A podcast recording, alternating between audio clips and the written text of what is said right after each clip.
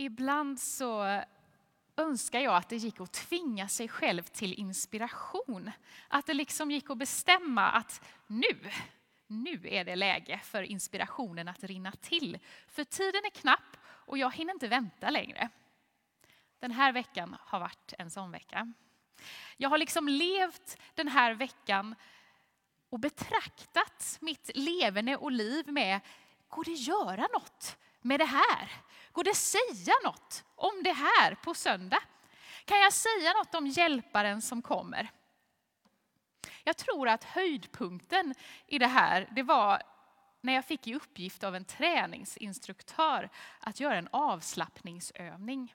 Och jag låg där på golvet med benen i 90 graders vinkel över mig, eh, vilandes mot kuddar och armarna ut från kroppen och stirrade upp i ett vitt tak med rör med uppmaningen att inte blunda.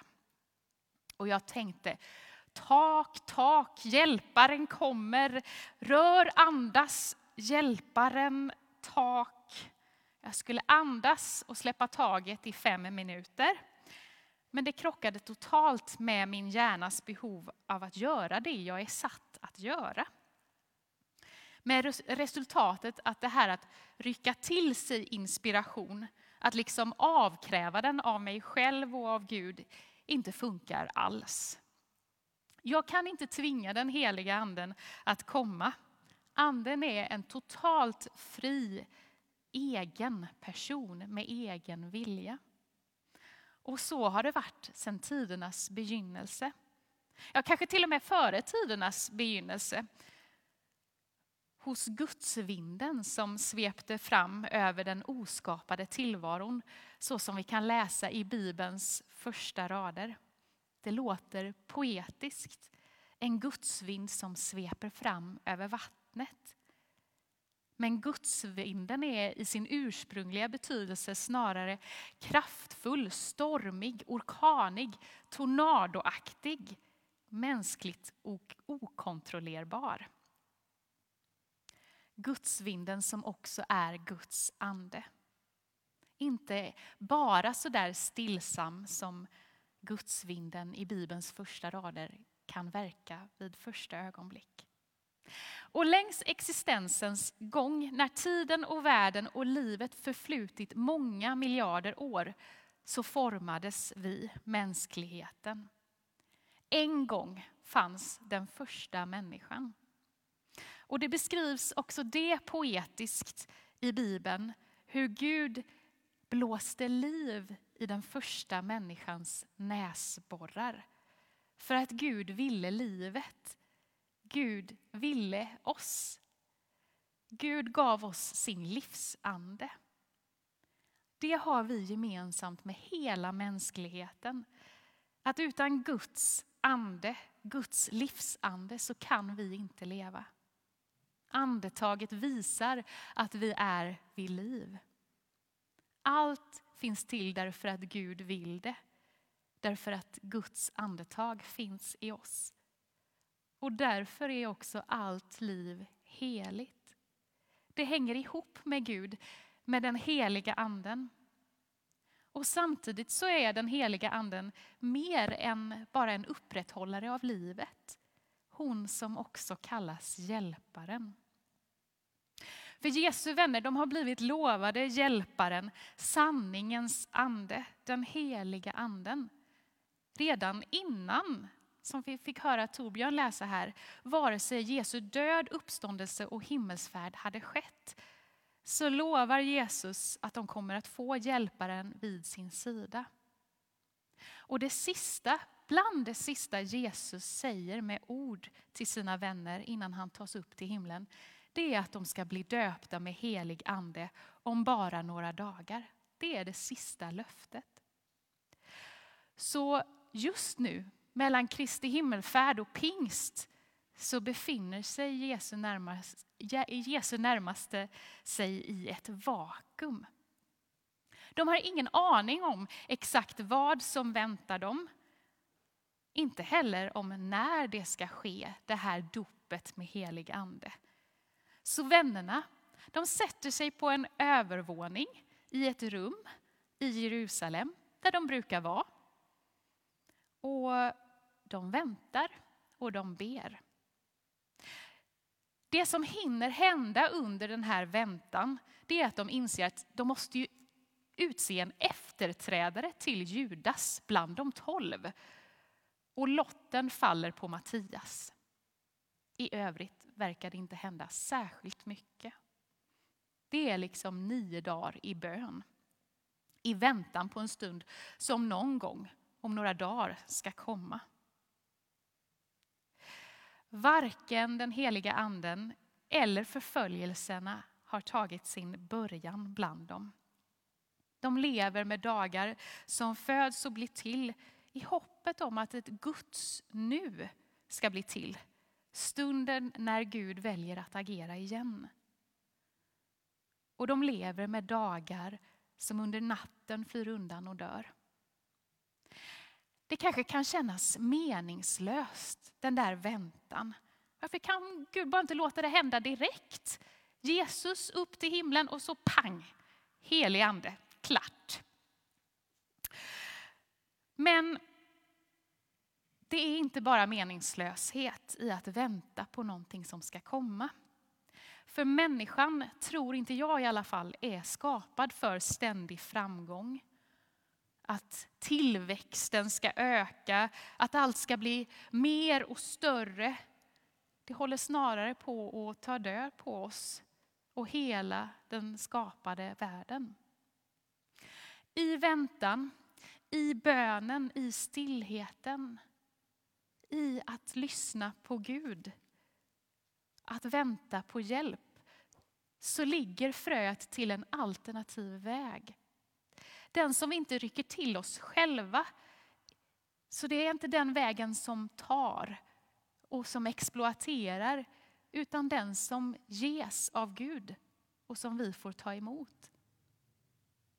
Och som visar att det liv vi levde igår är vi inte idag nödvändigtvis bundna att fortsätta att leva. Man kan ju gissa att vännerna behöver den här pausen. Ett stopp att lägga sig ner och bara andas. Försöka ta in allt som har hänt under bara lite mer än en månads tid. För mig så är orden liv, död, uppståndelse och himmelsfärd ibland bara ord för någonting som jag egentligen inte riktigt vet vad det fullt ut innebär. Något som jag själv bara kan ana genom andras vittnesbörd. Deras vittnesbörd. För för dem, Jesu första anhängare, så var det högst verkligt. Och jag gissar att de är omskakade till grunden. Att hela deras tillvaro och tro om hur saker fungerar är helt upp och ner. De hade säkert kunnat ana att runt Jesus så kan vad som helst hända. För de sjuka verkar bli friska, de utstötta får komma nära. Döda blir till liv. Och nu är Jesus borta i sin fysiska kropp. Han har tagits upp till himlen. Och helt plötsligt så ligger inte längre uppdraget hos Jesus de har ingen att luta sig mot. Det har landat hos dem. Ansvaret om berättelsen. Uppdraget att berätta vad de har varit med om. Om den alternativa livsvägen. Och skulle de göra det helt på egen hand så skulle de kanske hamna på ett golv med benen upp i luften och undra hur de egentligen hamnat där. Gripandes efter halmstrån av idéer och inspiration. Och det hade varit lätt att tänka att Jesus lovar hjälparen därför att kristna människor är svagare än andra och behöver lite stöttning. Att vi som kristna klarar mindre. Att vi ständigt behöver hjälp till skillnad från andra. Men det är såklart inte så det är. Gud sänder inte hjälparen därför att vi är svagare utan just därför att vi förväntas att vara starkare än andra människor fastän vi varken är mer eller mindre människor än andra som inte sätter sin tillit till Jesus.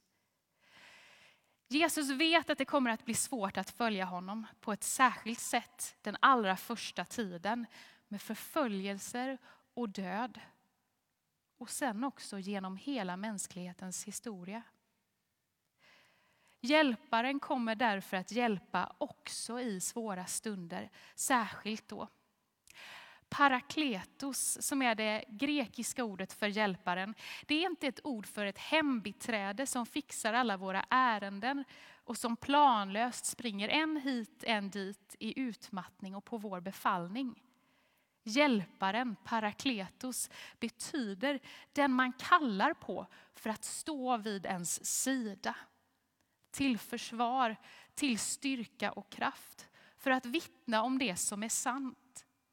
Så att vi vet att fastän vi måste ta oss igenom vad som än möter oss i livet, så står vi inte ensamma. Även när vi är till synes själva så står den heliga anden alltid med oss i kampen för det som är rätt. Den heliga anden har kommit till världen och det firar vi nästa söndag. Men det vi väntar på tillsammans med Jesu första efterföljare, det är att alla Guds löften ska bli verklighet. Varken vi eller de vet vilken tid det sker. Men någon gång snart, vad det nu betyder med Guds perspektiv. Och någon gång blir ett snart nu. Och de första Jesusanhängarna de hade upplevt många Guds snart bli ett nu. Löftena från profeterna som uppfylldes om Guds lidande tjänare. Hur länge Gud väntar med att infria sina löften, det är okänt. Men ingen av oss kan rycka till oss framtiden med våld, för tiden och Guds ande har sin egen gång. Men det som händer i väntan, om vi öppnar oss, det är att hjärtat kan vidgas för anden. Med kraften att stå emot hat och ondska i tiden som är. Som kommer med tröst och sanning som vägledande, bärande hjälp. Där våra röster, kroppar, handlingar används för Gud. Där vi tillsammans med Guds heliga ande kan hitta modet att bli sanningssägare, men framförallt sanningsgörare. I en tid när mänskligheten vill stoppa huvudet i sanden och inte se vart världen är på väg. När Jesu vänner bad innan den första kristna pingsten om det som skulle komma och när vi idag ber om den heliga anden, att hon ska komma till oss, så är det alltid en bön om framtidens möjlighet. Om hjälp i tiden som är. Det är att be med Guds löften om den nya dagen som horisont. Den där det inte längre ska finnas någon kyla eller frost. Den när det är ljust och friskt och klart vatten strömmar fram. Den dag när allting nått sin fullbordan. När du och jag är helt som vi ska vara. Bönen är ett lyssnande till Guds vilja i mitt liv, i världens liv. Så låt oss därför be. Kom heliga Ande igen och igen. Låt oss vägra vara likgiltiga och lär oss att vänta på din inspiration. Ge oss hopp inför framtiden och hjälp oss att agera i sanning och kärlek. Låt den dag komma snart och alla dina underbara planer blir verklighet. I Jesu namn. Amen. Så får vi tillsammans stå upp och stämma in i kyrkans trosbekännelse.